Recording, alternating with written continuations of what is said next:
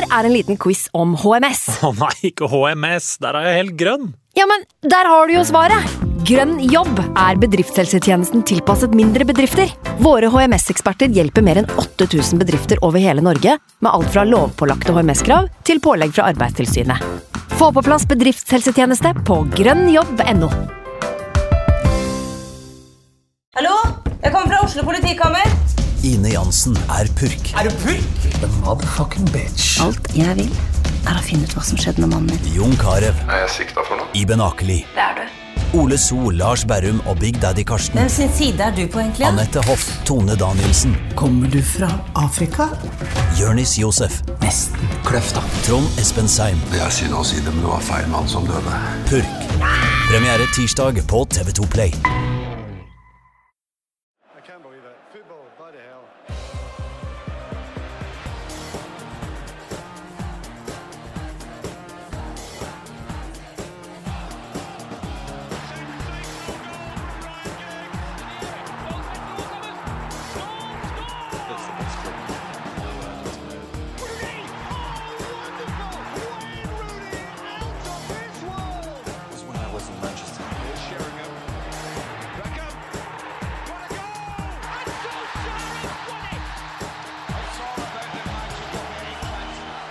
Velkommen til United We Podcast live fra Manchester. Hvordan går det her i, på supporterloungen rett ved siden av Old Trafford?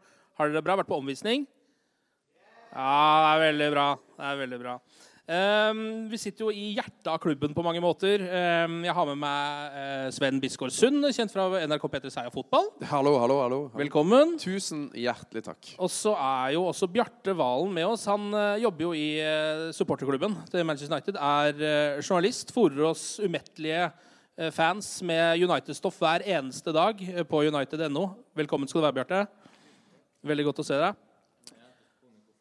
Å ja, mikrofonen din er ikke på, nei. På, Da blir det litt mutt fra deg nå i starten. Og så har vi også med oss det som jo vi må si er eh, kveldens eh, hedersgjest. Han har vært jorda rundt som eh, fotballtrener. Trent i Qatar, i Dagestan, i Russland, i Israel, i Danmark og i India. Men det er vel egentlig de årene, de meget suksessfulle årene i Manchester United vi er mest interessert i. Først som trener for ungdomslaget og reservene, og så som førstelagstrener også. Og sir Alex Fergusons høyre hånd. Kjære United-fans, ta vel imot René Mjulenstein.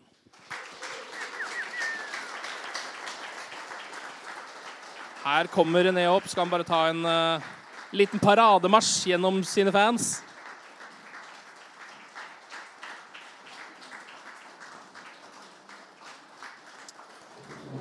Hei, René. Wow!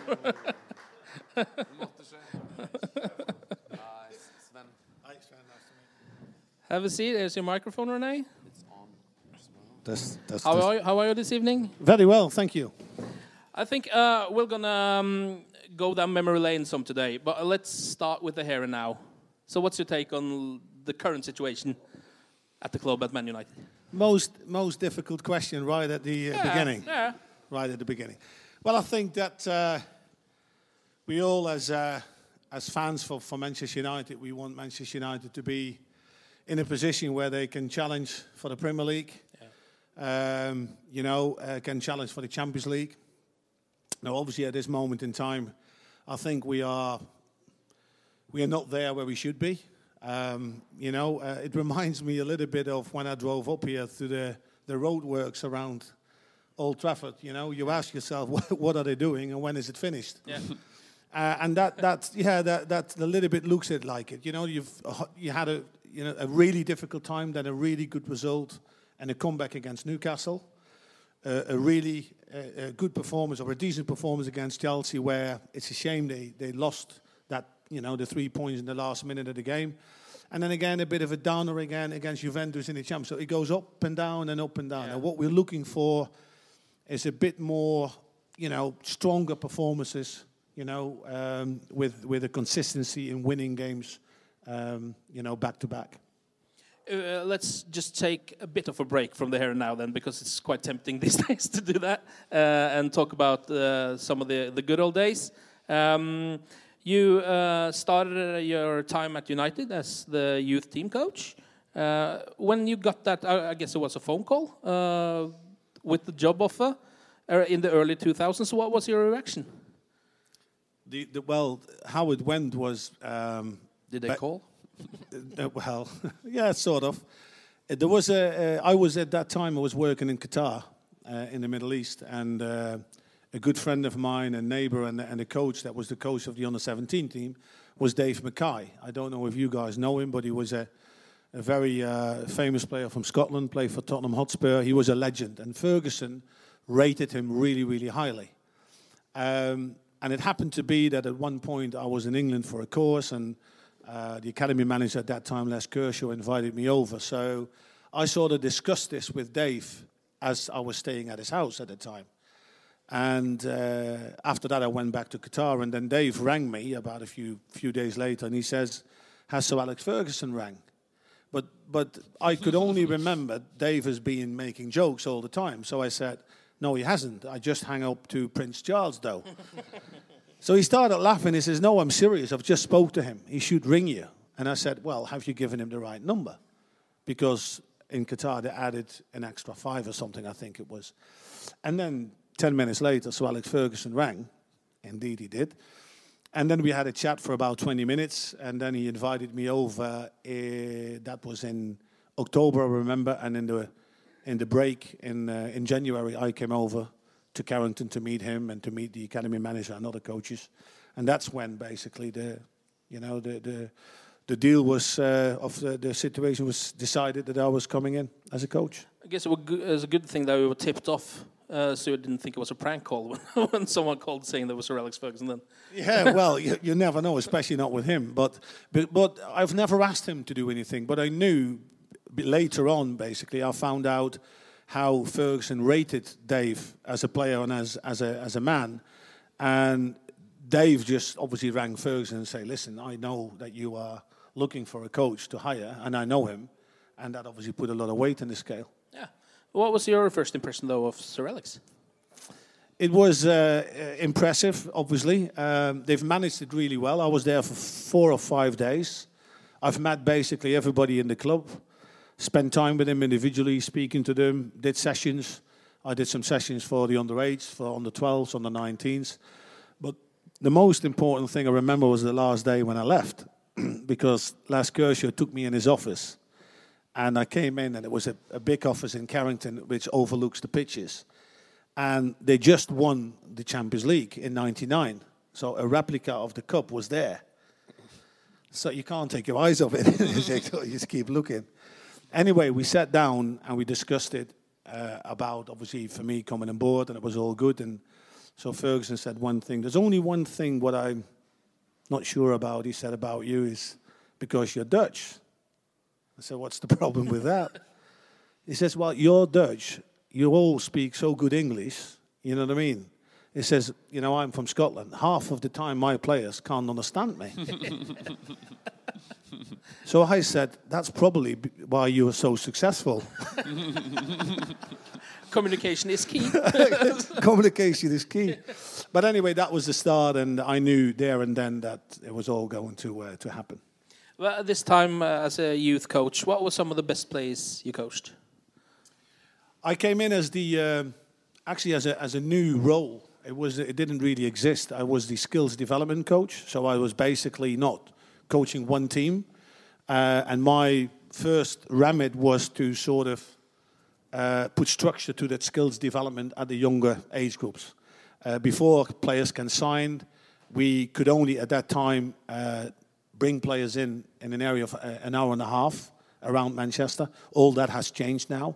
So we've set up uh, about 20 development centres, uh, practically for the parents not to drive too far, and Yeah. it gives us a good sort of filter system to bring the best ones in. So I worked with you know those development centres, advanced centres, underage, under nines, under tens, under twelves, and yeah, in that whole bracket of players, I mean, I think at that time, Danny Welbeck was sort of under 12. Tom Cleverley was in there. Danny Drinkwater, obviously, that went on to Leicester, Yeah. now Chelsea. Uh, loads of them were in the. Obviously, uh, Jesse Lingard was in the underage, and Marcus Rashford was I think came a few years later. Was six when I first saw him. and came- He was six. How, how was Marcus Rashford as a six-year-old? Well, it- it- what what what was great with uh, this kids and Marcus was was one of them. He just came out. He, he he came in with the biggest smile on his face. As soon as the doors of the cliff opened, they would come in, and we always called it the the soccer factory. So we give the kids about ten minutes. 10, 15 minutes, just basically to release the pressure. So they could pick a ball and they could do anything they liked. But it would all, always have to be a bit constructive in terms, you know, whether they could play games, one v ones, two v twos, they could kick a ball against the wall, they could do tricks and turns, whatever they liked. But it was always with a smile on the face and it was all orient, based on skill development. But uh, as uh, someone who can recognize talent, can you see talent in a six-year-old? I mean, you can see talent, you can see it's good, but can you think that man's going to play in the Premier League? No, you can't. You can't say that. But you can. You can see in a lot of young kids because of the way they move, the way they can kick a ball at a young age, whether they play with both feet or not. Uh, there's loads of things you can determine, but it's that combination of talent and potential, you know. And then it's important for coaches to create the right environment to make sure that you can unlock that potential. Players with a lot of talent, they've got a lot of natural things. Yeah, so they got most likely more potential as well. It's always nature and nurture.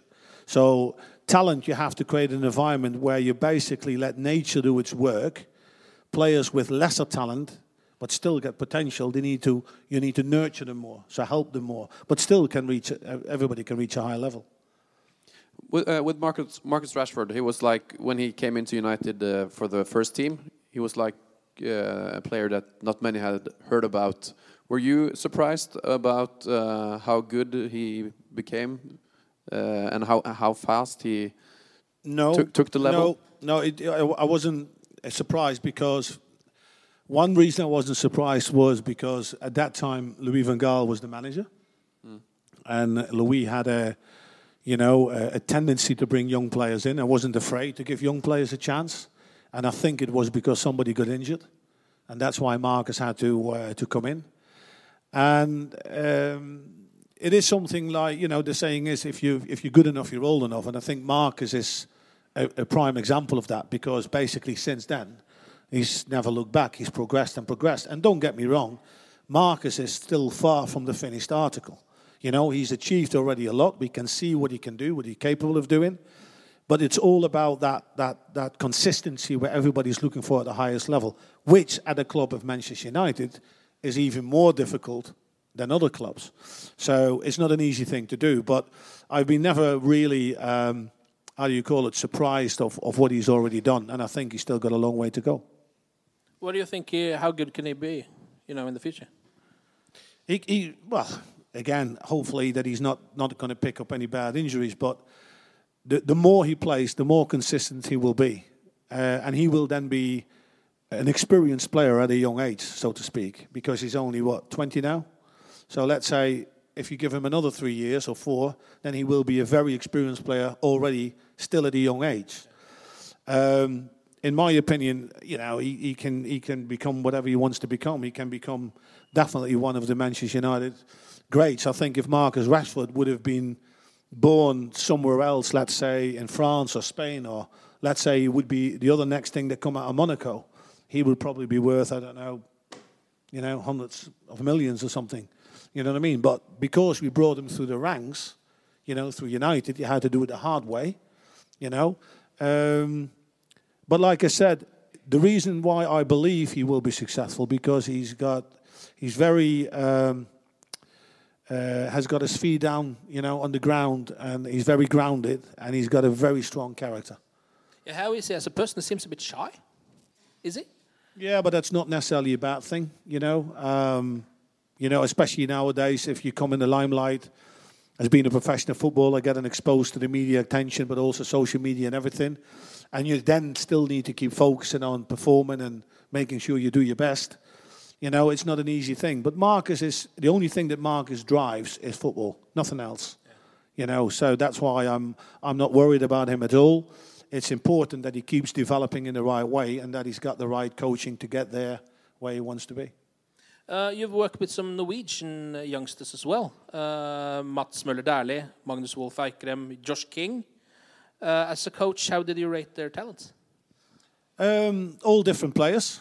Um, Dale Nykun was sort of Dale was midfield player, Yeah. sort of uh, yeah, a, a defensive midfield player and a link player. Eikrem was uh, Magnus was a bit more creative going forward, and Josh was uh, obviously a striker. You know, uh, and I have to say, fantastic career. He is he is he's created for himself. Not easy, like I said, to find a place in in in the Manchester United starting lineup, but he's gone away and he's done the hard work, and he's still a Premier League player uh, now and very important for Bournemouth. Um, and, and Dale have all gone different ways, um, but had some good years here. Uh, and it's all about sometimes getting the right opportunity with, with the right managers, or if you have a lot of competition, which you would have at a club like Manchester United, then sometimes there's no other choice than move move on. Oh, Since there's so many Norwegians here and Norwegians listening to this podcast, do you think Josh King could have been a United player today? Is it good enough? Well, I, th- I always felt the reason why he came to the club was obviously we identified a lot of qualities that we want. You know, he is he's, he's a, a good athletic player. He's very very quick. He's got goal scoring ability. Um, he might maybe not as been you know as, as technical in in some areas that you would want other players to be, but he was very direct. You know, but like I said, if you look when Josh when Josh came through, you then need to look at what strikers did United have. You know, and I think we had somebody like Cristiano Ronaldo at the time. and uh, Was he any good? you know, and that, that makes that makes things you know that makes things things difficult because the manager is only focused on obviously on one thing, and and the key is for young players to come through because if you look at it again to the career of Josh, Josh is now how old? He must be late twenties. Yeah, I think it's maybe Uh, 27 or um, yeah. um, maybe less, 25 maybe. No, no, no, Something no, like that. You think 25? Well, and he, I'm he's, he's at a very good age. Let me put it this way: mm. that age, you got established Premier League players. But when they just come to the scene, like Marcus is, that's why it's so remarkable that that Marcus has already played so many games. But if Josh comes, and then you've got good strikers in front of you, the manager at that time, Sir Alex Ferguson, had only one thing in his mind: is win the next game, win the next trophy. You know what I mean? And it becomes very hard for for young players, and especially that sort of positions, to break into the team and break into the team in a consistent way. But but uh, how did uh, because United has always been famous for like letting young players through. So uh, how did you guys uh, figure out the way to to give them the opportunity at the same time Still win. a- as as you needed to win the next game? Well, to making sure that the, the team was never out of balance, that you make sure you've got enough players in there that can carry those younger players, that they never feel left alone, so to speak. And and and, and so Alex Ferguson was a, was a master in that, in, in feeding young players in and picking the right games and etc. But it, it, it, it- is just a matter of that. At some point, there's going to be crucial decisions be made. That's why we've always made decision with players. What do, what do we think is the best? Put him on loan, or sell him, or you know, uh, leave him in the reserves and let him train with the first team. So there's different tracks, you know. And then at some point, obviously, when there's an interest as well of a club, and then the business side of the whole operation comes into place, and when all parties are happy, that's also the reason why sometimes players move away. Sounds like a difficult job. Very. Because you have so many talents, uh, and and sometimes I guess you know that they could end up playing for Man United, like like Josh King, for example. But you have to let him go. And there there must be so many stories like that where you have a talent and you know he's going to be a great player, but there's not the place for him. How, how do you tell him to? Okay, it's time for you to go. Well, luckily I didn't have to tell him.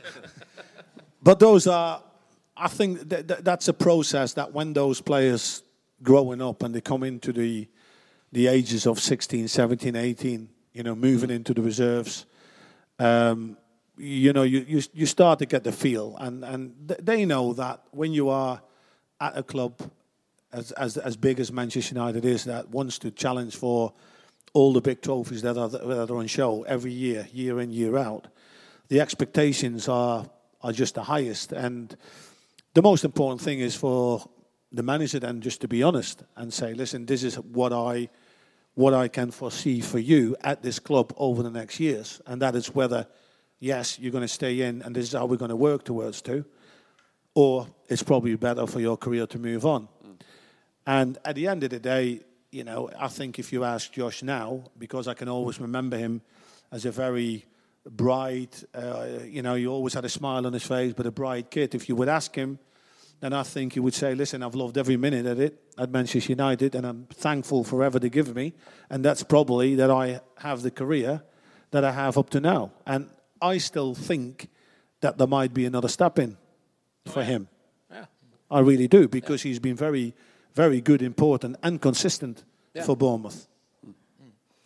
I was just thinking when uh, there was a picture of Jesse Lingard there just a, a few minutes ago. Uh, I remember talking to, to Jesse at uh, Carrington a few years ago. Uh, he said that Alex Ferguson, Sir Alex Ferguson, might I say, uh, told him that you're going to be a late developer, 23, 24. That's going to be your age. Then we're going to see a proper first team player. Uh, and he said maybe if I was at a different club than United, uh, I wouldn't have been giving so many, so much patience and the opportunity to, to stay on so long. Uh, I was just wondering what, what what kind of player was Jesse back then because he's he's really made a big breakthrough with the World Cup and everything the last season. Yeah. And it's um, it's it's very true what what you say. What what was Jesse sort of a player? Like I said, I know Jesse since the, the age of eight. Uh, I might you might maybe some of you might have ever seen uh, the DVD that I I made so many years ago in 2003 called the Play Like Champions. You can have a look at it, and Jesse is on it, and Jesse is basically you know just a little kid doing some of the the drills. And Jesse was another bright bright kid, but we knew physically he would never become, you know, tall or big or strong. So I had to make the difference in, in different areas, you know, very skillful, very clever, intelligent. And what I always used to say when he was growing up, and I made him look at clips, I said, You are the, the English version of Iniesta. You know, you weave in, weave out, come in the gaps, pick the balls, link the play, you know what I mean? But you, you, you're, so, you're so true in saying, because Jesse has gone on loan, basically to give him that experience to different clubs. You know, I think he's been, uh, he's been well, Leicester, I think he's been in Brighton, Brighton, I Derby. think. yeah, Derby. So all go. different Mm. experiences, you know, and all those managers have their own pressures. They all need to win, and most of those managers then aim to to go for the bigger and stronger and sort of players. So it was a good learning curve for Jesse, and and again, Jesse's luck has been coming back to United, and probably in the time where Louis van Gaal was here, who looked differently to them sort of players and give them the chance to come in.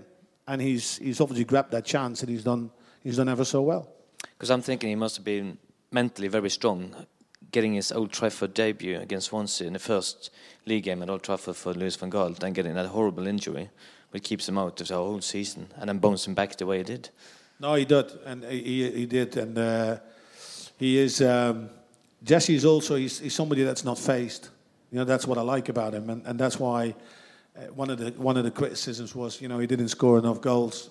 You know I was one of them probably that would would tell him that, but he scored a few really important ones. You know that won trophies for United, which is great, and he, he's definitely improved that area. Especially last year, I think was one of his best seasons. So yeah, hopefully he can he can carry it on.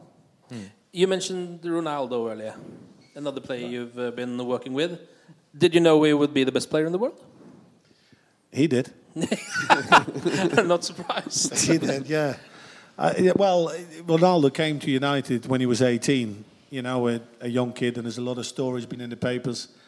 Um, you know about him, about coming back with, with Juventus, and, and a lot of you know memories come out from from from former players that worked with him and played with him, which is which is good. But I, I can always remember that he was very keen, very clear in, in what he wanted. He knew he was going to be the best player in the world. He just needed the help and the coaching and uh, the support from everybody to get him there. And uh, obviously, the, the, the, the, the years that he had here from 18 till, was it 23, I think, when he left, especially under the guidance of Sir Alex Ferguson and, and everybody sort of associated with him in that, set him in good stead. And then obviously he went to Real Madrid, and everybody knows what he's done from there. Yeah. Well, it tends to divide audiences, not with his football, of course, but with his personality in some way. He's a nice guy? Yes, great guy. If you uh, if you would got to know him, you know, uh, I've, you know, like I said, he is. Uh, he was always in. He was always in for a joke. But more than anything, that what struck me that when he came from that early age, and he's obviously moved on to that, he was so determined, so committed, so driven. Nothing, nothing else. Uh, still, he enjoyed, you know, the, the, the company with everything with the players and the banter that you normally have. But you would not get sidetracked by anything else, not by i.e., drinks or whatever it was. He was had his diets, he had his things, he had his routines. He was always there early. He always did extra work on and off the pitch. I always said he, he you know, he's, he's he's become the best footballer in the world. And there have been times, as we all know, that when Messi was at its peak, that it could have been easily a moment where you'd thrown the towel in. But he's, he, he, would never do that. He would think, right, okay, I have to step it up yeah, here. made him better. Yeah, make it better, um, which is which is credit credit to him. Uh, he's yeah, he's known to be uh, like very dedicated and a hard worker. But uh, uh who of the other players that uh, you have trained was like uh, at the same level? Well, basically, basically everybody. I mean, of course, but no, no. I tell. was there like a top three list? No, in, in your mind? No, because I tell you for why. Because in the six years that I was the first team coach, and I did a lot of a lot of session. It was obviously the, the environment that Sir Alex Ferguson created already before I came in, um, which makes it which makes it a lot easier because Ferguson made the players always understand very very clearly that what you do on the training pitch will manifest itself in the games. It's for us as coaches to make sure that we we train the players, we facilitate the right things for the players to prepare mm. and to develop as individuals and to develop as a team. And in all those six years that I've trained, the level of and the, the sort of control amongst the players was that high. Nobody could drop down a level because they would be corrected by, by other players. Yeah. I mean, and I talk about the players that have been there a longer time, you know you know, uh, in that case, that was obviously Gary Neville, Paul Scholes, Ryan Giggs, Rio Ferdinand, all of them.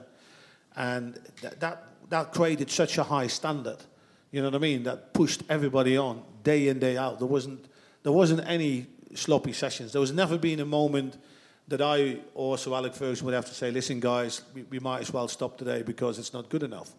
You know what I mean? Mm. That never happened. It was uh, is that almost like uh, a challenge for you as a coach as well when when uh, the players are at such a high level that you almost feel like they can uh, do it themselves? Yeah, well, they can like put you in the in the right place if you if you don't yeah. do your job. No, very much so, and uh, it, it was for me a big a big challenge because I always expected, we always expected from the players at least twice a week, whether it was Premier League, Champions League, we expected a world class performance from them. So they could expect a world class performance from us as coaching staff in terms of their preparation. And, and that is hard, it's hard to get. But uh, I think the staff that we had at the time, and also I speak from the strength and conditioning side, that was run by Tony Strudwick at the time, that did all the stuff outside, the goalkeeper coach, the video department, uh, you know, myself. It was sort of clockwork. And players feel, players feel when there is a staff supporting them that, that supports them in, in every best way. And, and the key to get them hungry in training sessions is to make sure that you tick all the boxes. So, from my point of view, it was always that in every training there was a purpose, what we did, whether it was whether developing an individual or a team or it was preparing for the next opponent. There's always a challenge, yeah, in the training sessions. And then we worked always on, on, on two bases, on key things, key factors, intensity and quality. Those yeah. are interlinked. Uh, what I try, what I try to say with that is, is that if if you go too slow and it's not game realistic, the quality is down. If it goes too erratic, too high, again the quality goes down. So those two, you need to make sure that that, that you get that right. And that is a game of making sure what exercise you do, what numbers you're working in, what areas you're working in, what times you're working in, all that's need to fit. But when players feel that they train to get better, then there is no, there's, no, there's no problem. Especially if they see in the games that what you do, it works. You got uh, the job as head coach in 2007, wasn't it?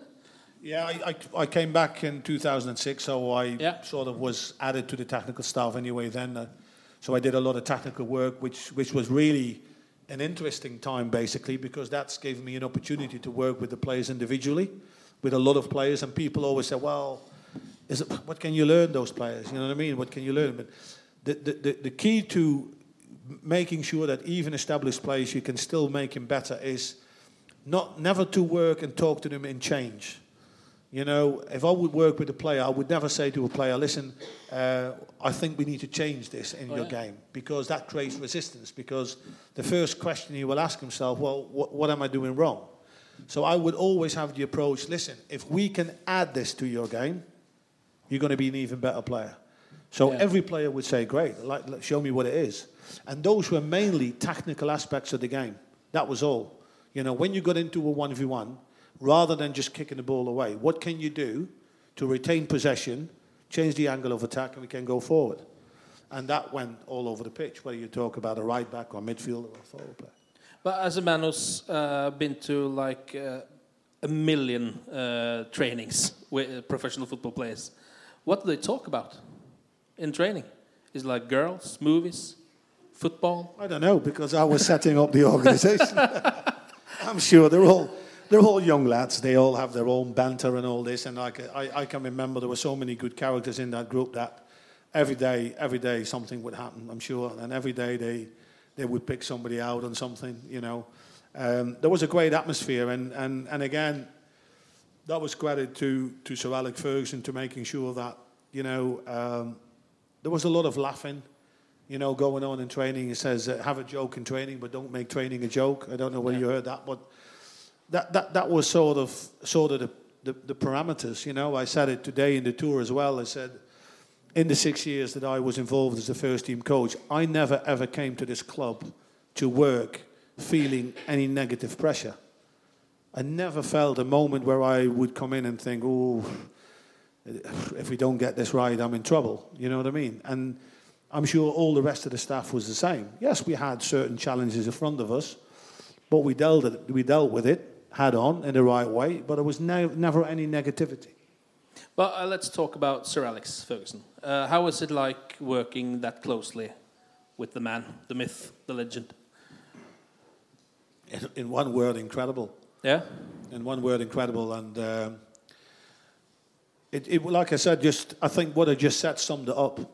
You know, f- for me, you know, to have such a big responsibility to to design your training sessions and to to to pick out the things from a from a from a tactical point of view and to put them into a into a tactical meeting to to make all these things that responsibility that you get with it and the level of trust he puts in you through the fact that he delegated all those all those things to you.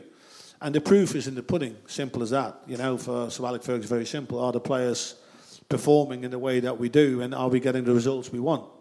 Yeah. If they tick the two boxes, fine. Everything is, everything is great. But people sometimes, a lot of my friends from Holland would, would sometimes ask me to say, "Listen, uh, is he really such a difficult man to work for?" And I would say, well, why would you make it, what, what, what makes you say that? He says, well, if you see him on TV, he's always shouting and angry and this and that and the other. He says, well, that is when he is in game mode and, he, and, he, and, he, and he does everything to make sure that we get the result over the line. In, in during the week, in normal days, it could not be further from the truth. He was, he was, the, he was the best man manager, you know, to work for. I mean, I, I, people say, what, what is, the, what is the, the thing that you remember most about working with Sir Ferguson? And I tell you, it is the amount of laughs. Yeah. The amount that what we laughed every day. But um, even though in game mode, can be a bit intimidating sometimes. We have a clip actually. No, but that's when I stayed away. okay, let's uh, see if we can roll the clip up here. Uh, it's, let's see if you'll remember this famous incident. There's the balloon, there's Mike Phelan.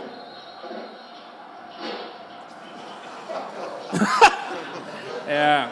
Uh, for those for those at home who can't see this, it's Mike Phelan popping a balloon on the bench at Stamford Bridge against Chelsea, uh, and um, Sir Alex Ferguson is none too pleased.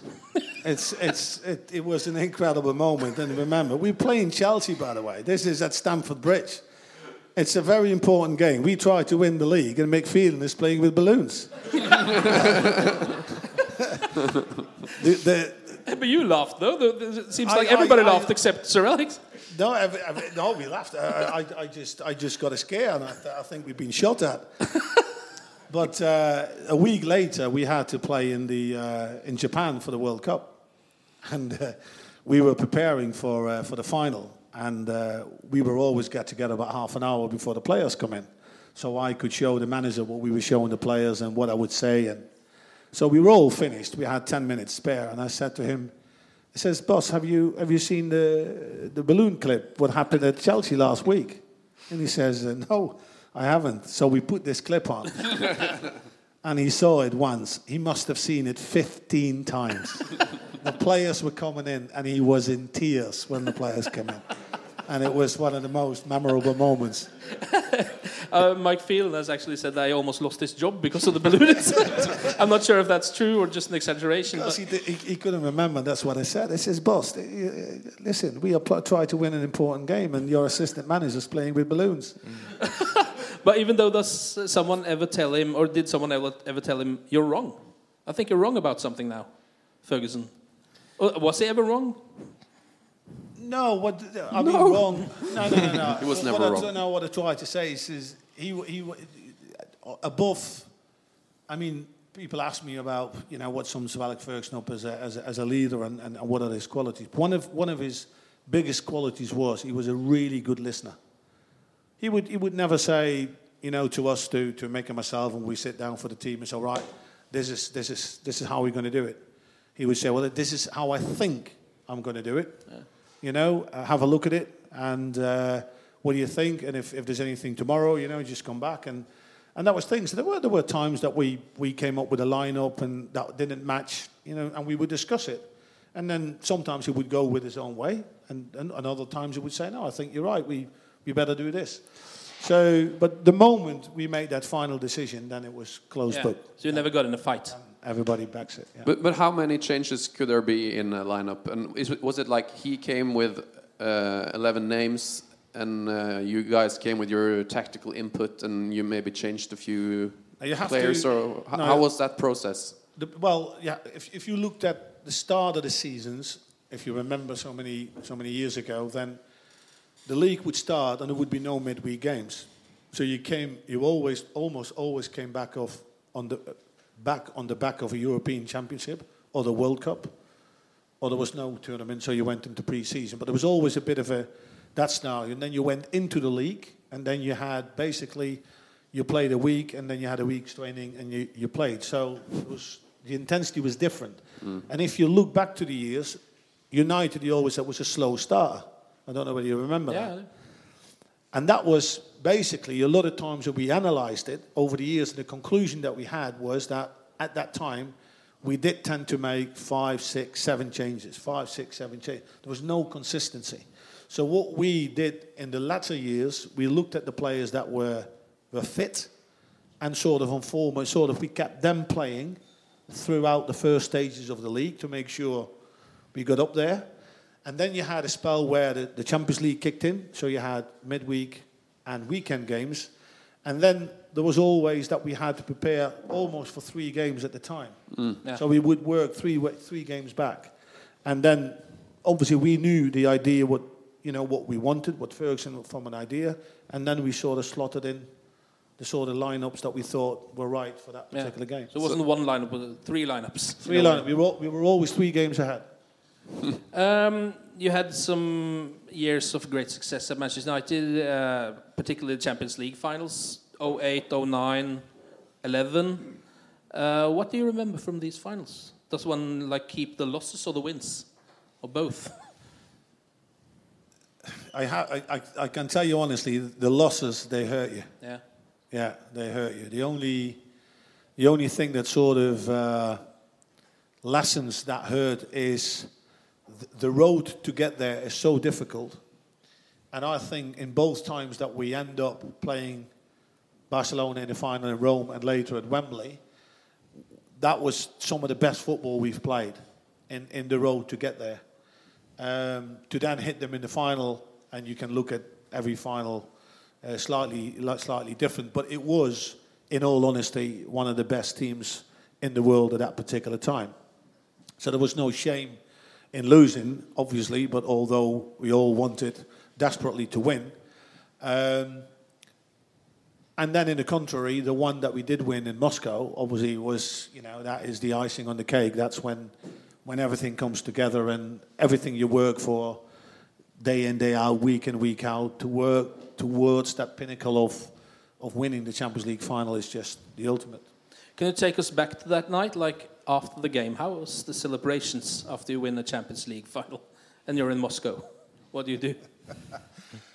it is. It is just I mean, it's so hard to describe because it is that emotion of satisfaction that you build up over getting there first. You know, it's like a, it's like a, a combination of satisfaction and relief coming together, um, which is just incredible because you just see smiley faces and people crying and people hugging each other and you know what I mean. And it's just you know, it's, it's just an, an immense, in an immense moment where, you know, I think it's a great saying that they sometimes say, you should be able to bottle that feeling. Yeah. You know, it's very hard to do it, but I think it's a good way of describing it. But does like the players get shit faced or what? go they, uh, go dancing or play cards? Or what, what do they do? We, we had a good party. Yeah. I can say that. Who was I, the best dancer, best Manchester United dancer? Oh, there's loads of them. I mean, loads of them. All, all of them. You know the, you know the South American boys. We had a few of them, or the, the South South European. I didn't see Tevez dance to be fair, but uh, yeah, there's. You, you see, see, you see moves coming out on the dance floor I've never seen on a football field. Was, uh, there, uh, we are very. Uh, um, we talk a lot about grilling, uh, me and Ken, uh, and that's a big thing in his hometown, Moss. Yeah. Uh, and uh, there's the stories about uh, Argentinian players that they like grilled food, and especially Tevez. He said he, he, missed the barbecues. Uh, was that? did you get the impression that he li liked barbecues?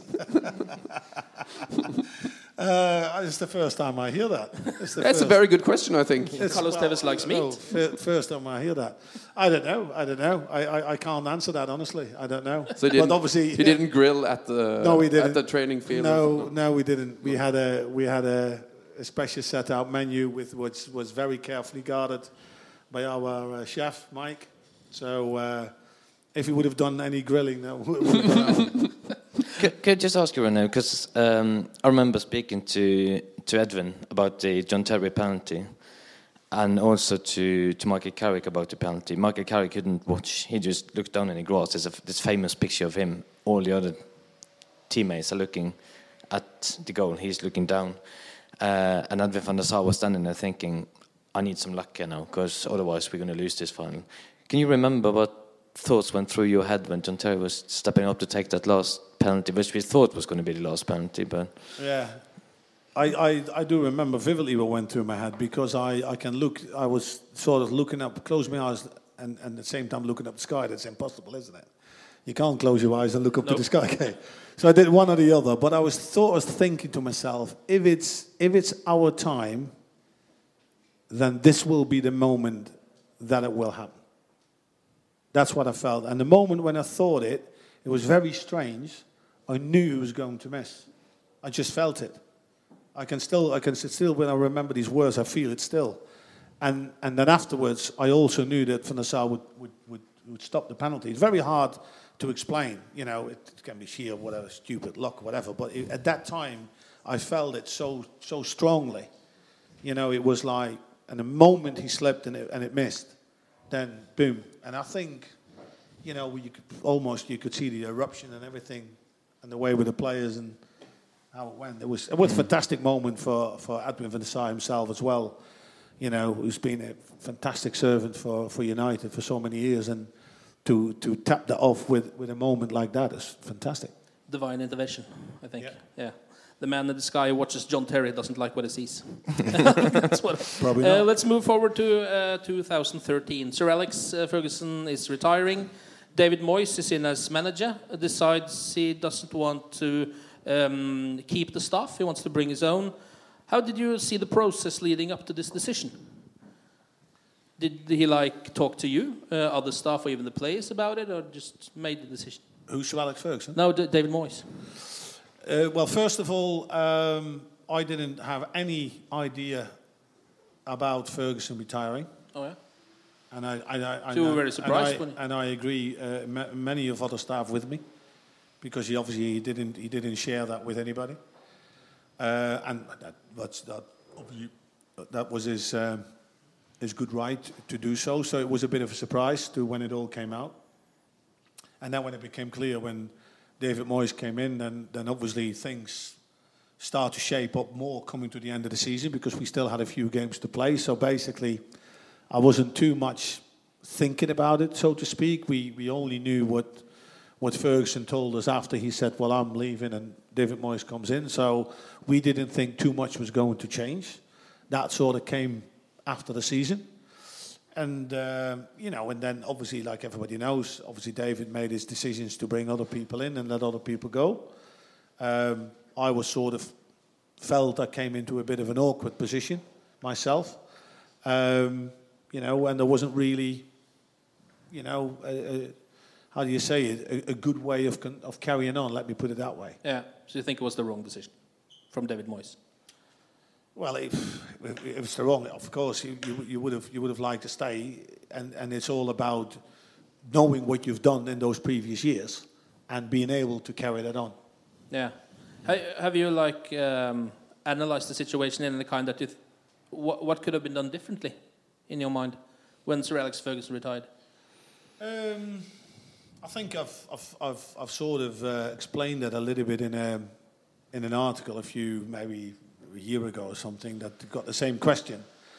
And obviously, when a manager approaches sort of 70 years of age, you need to start thinking about, okay, when is the day that he's going to say enough is enough?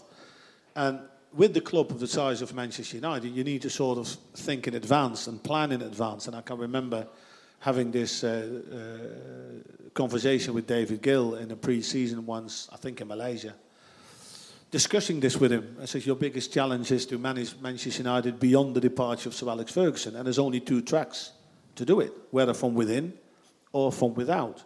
From within, you make Sir Alex Ferguson part of the whole process. And then you sort of safeguard the stability and the continuity that he's built over 26 years.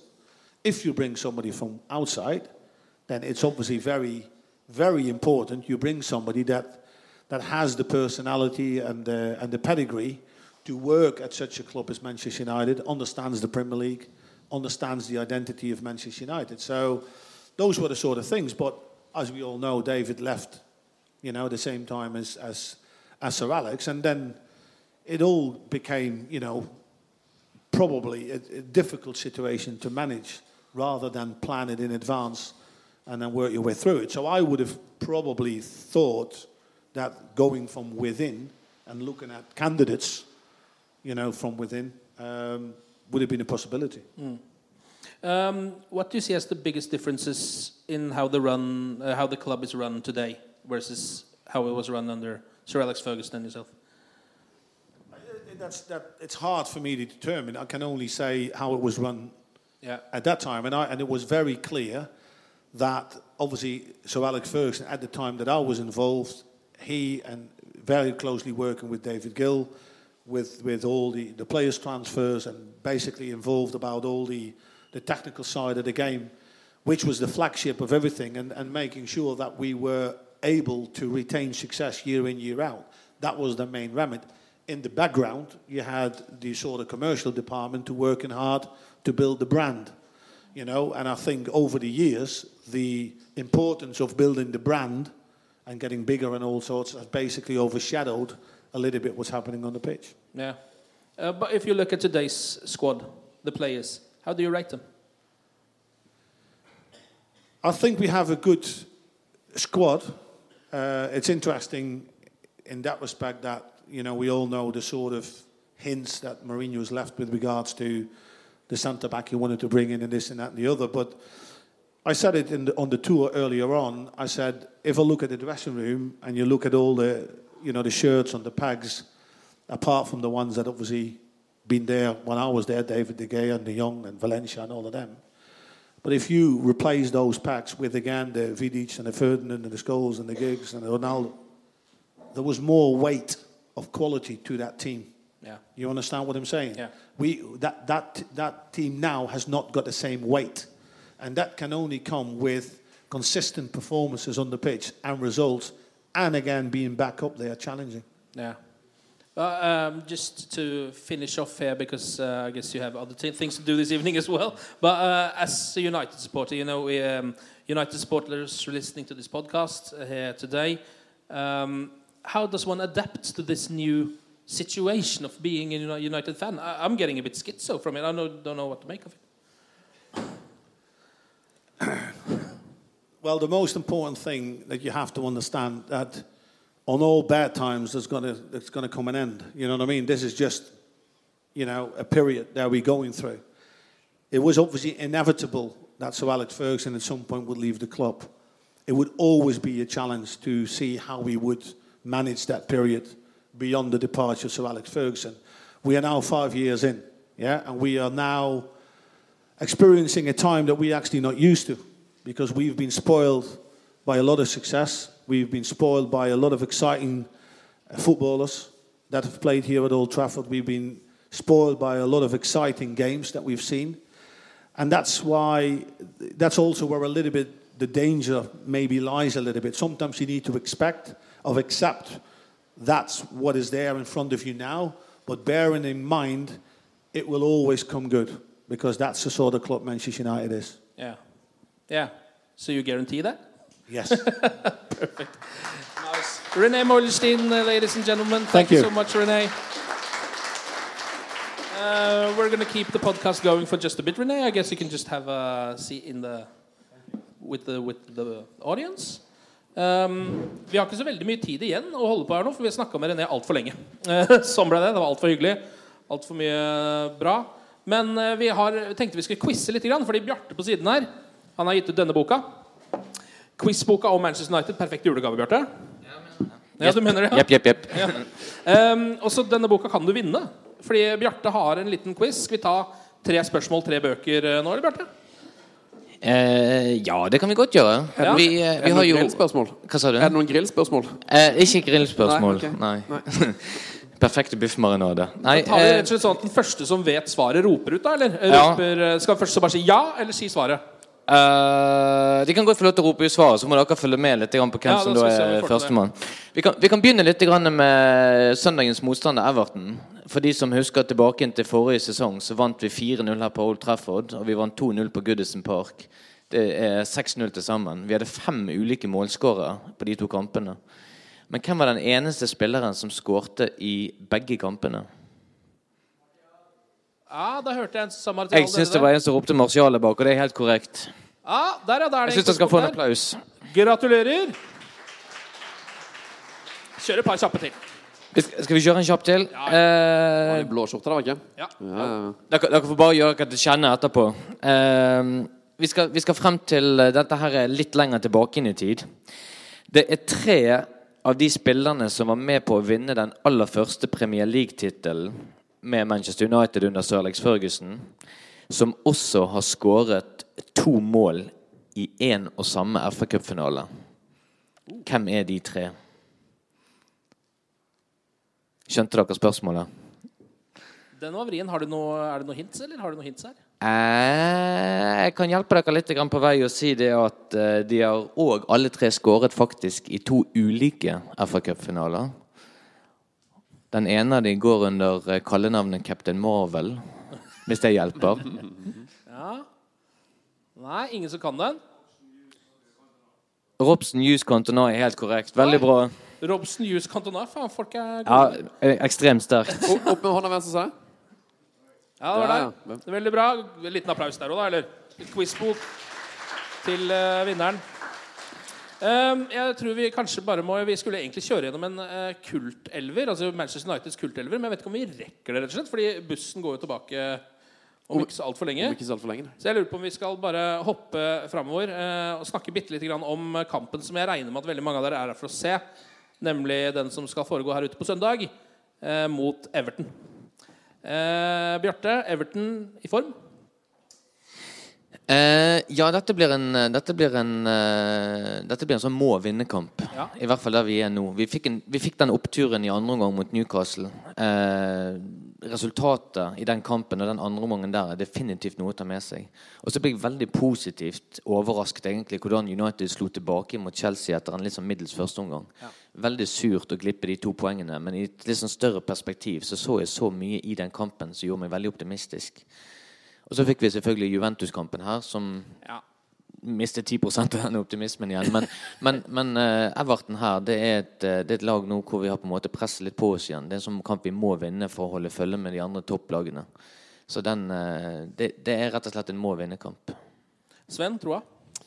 Ikke Altså, dessverre, må jeg jo si. Eh, så har jeg jo ikke Det er bare fordi du er her sjæl at du ikke tror de vinner. Ja, jeg regner med at det er en sånn slags bad luck-greier Ja. som har blitt sendt over her. Men eh, nei, eh, sånn tradisjonelt sett så er jo det her en kamp som United eh, skulle kunne klare å vinne. Men nå er det, det er ikke flyt. Eh, det er få spillere som er i form. Eh, jeg syns Everton ser uh, fryktelig god ut. Masse bra spillere der. Ja, De har tre strake seire og ligger vel ett poeng foran United på tabellen akkurat nå. Ja, altså, jeg, jeg frykter jo at vi kan uh, gå på en smell. Um, men det, det som er litt deilig med det, at det er jo sånn i, i Tidligere så har det vært sånn at man kan reise til Old Trafford, og så blir man nesten skuffa hvis man bare vinner 2-0, eller ja, vi, vi vant liksom ikke nok. Men øh, jeg kommer til å være i eufori hvis vi vinner denne kampen. Så det er jo deilig at liksom man har en, Man vet at man blir, dette kommer til å bli en helt rå kamp hvis vi, hvis vi klarer å dra det i land. Ja, jeg kjenner at jeg har troa. Altså. Du har troa Ja, bra? ja, jeg har faktisk det. Um, det har noe med, mest med den Chelsea-kampen å gjøre. Mm. Og så også andre altså Første gang mot Juve er jo Da hadde jeg lyst til å gjemme meg under stolen min og helle ølen tilbake på flaska. uh, men andre omgangen var jo bedre, da. Det var bedre. Klart for Eh, kunne faktisk snike av gårde et poeng fra den kampen med litt eh, hell. Ja, og Lindeløf eh, så jo bra ut. Det er en mann som veldig mange har uh, venta på. Eh, jeg vet at dere var meget imponert over en sånn han ble skamrost på svensk TV. Og jeg vet ikke om det liksom er det, Det skjønner jeg faktisk ganske godt. Jeg satt bak målet til United i andre omgang. eh, Og ble veldig fascinert av hvordan Lindeløf løste de defensive oppgavene. Jeg syns han støtet riktig, jeg synes han taklet riktig når han skulle. Han leste spillet veldig bra. Det der var den desidert beste kampen Lindeløf har hatt i United-trøyen. Og det er mot den vanskeligste motstanderen han har møtt. Ja. Og det tenker jeg det er faktisk noe å ta med seg fra den kampen. der. Spesielt for han sjøl. Ja. Og det er jo en kjempenøkkel for United òg, som er eh, på en måte det som jeg har savna helt siden Ferdinand og Vidic. er Liksom, jeg føler aldri vi har klart å fått inn et uh, stopperpar. Og nå hadde jeg veldig troa på når vi henta Lindeløf, at han kunne på en måte være en sånn spiller som kunne levere for United i kanskje ti år. da, og Bli en sånn eh, en del av en duo. Så det er veldig bra at man liksom begynner å få satt en, eh, et slags par. da. ja. Hvordan er troa her ute, da, blant uh, publikum før Everton? Ja, én tommel opp. Én tommel ned. én tommel Ja, seier, ja, det er bra. Det er litt eh, det er på en måte, altså Selvtilliten er ikke så høy som den burde være blant oss Manchester United-supportere, men det kommer seg. Det er jeg ganske sikker på. Den må opp, eh, og det skal jeg ta ansvar for men den må jo opp på kampdagen. For at, eh, hvis ikke vi på tribunen har troa, så er det vanskeligere for spillerne å ha troa. Ja. Så eh, folk må backe opp og lage et helvetes leven på stadion, sånn at spillerne skjønner hva det går i, og banke Everton litt. Ja. Det er bare å sitte hes tilbake for flyet eh, mandag morgen, tenker jeg. Det må være målet. Eh, takk for oss. Det var veldig hyggelig å være her. Takk til René Moilenstein. Og vi håper på tre poeng mot Everton, og kanskje også litt angrepsfotball, eller? Jeg håper på hat trick for Martial og firtrekk fra Lukaku. Ja, da begynner vi å snakke. Der snakker vi. Glory, glory.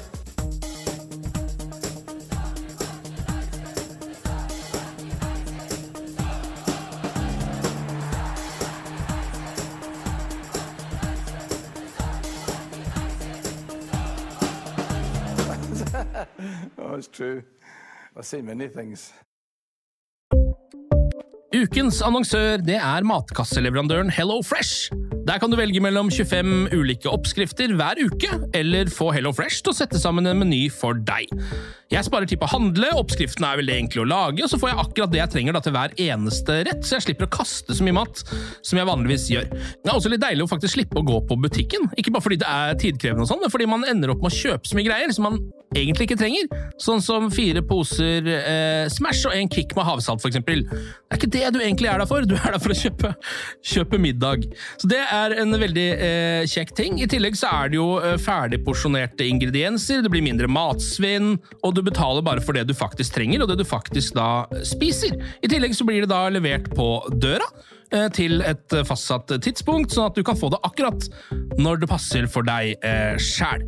Hvis Hello Fresh høres ut som noe for deg, så har jeg en rabattkode du kan bruke også. Gå inn på hellofresh.no og bruk koden HelloUnited24. HelloUnited i ett ord, også 24, og få opptil 1779 kroner i rabatt på de fem første matkassene dine hvis du ikke har prøvd Hello Fresh ennå. Du kan også bruke koden hvis du tidligere har vært kunde, men har stoppa abonnementet ditt for tolv måneder siden eller mer. Det er ingen ingen bindingstid, og du kan pause eller avslutte abonnementet ditt akkurat når du selv måtte ønske. Husk koden HelloUnited24, og bon appétit! Ukens annonsør er Folio, en smartere banktjeneste for deg som har en egen bedrift eller ønsker å starte for deg selv. Folio er en superenkel nettbank for bedrifter. Som kunde i Folio får du en bedriftskonto med et bedriftskort og app. I denne appen er det smarte løsninger som forenkler regnskapet ditt, uansett om du har en liten bedrift eller et enkeltpersonsforetak. Folio er både intuitivt og brukervennlig, og er laget med et enkelt språk. I tillegg tilbyr de forutsigbare priser og ingen skjulte gebyrer.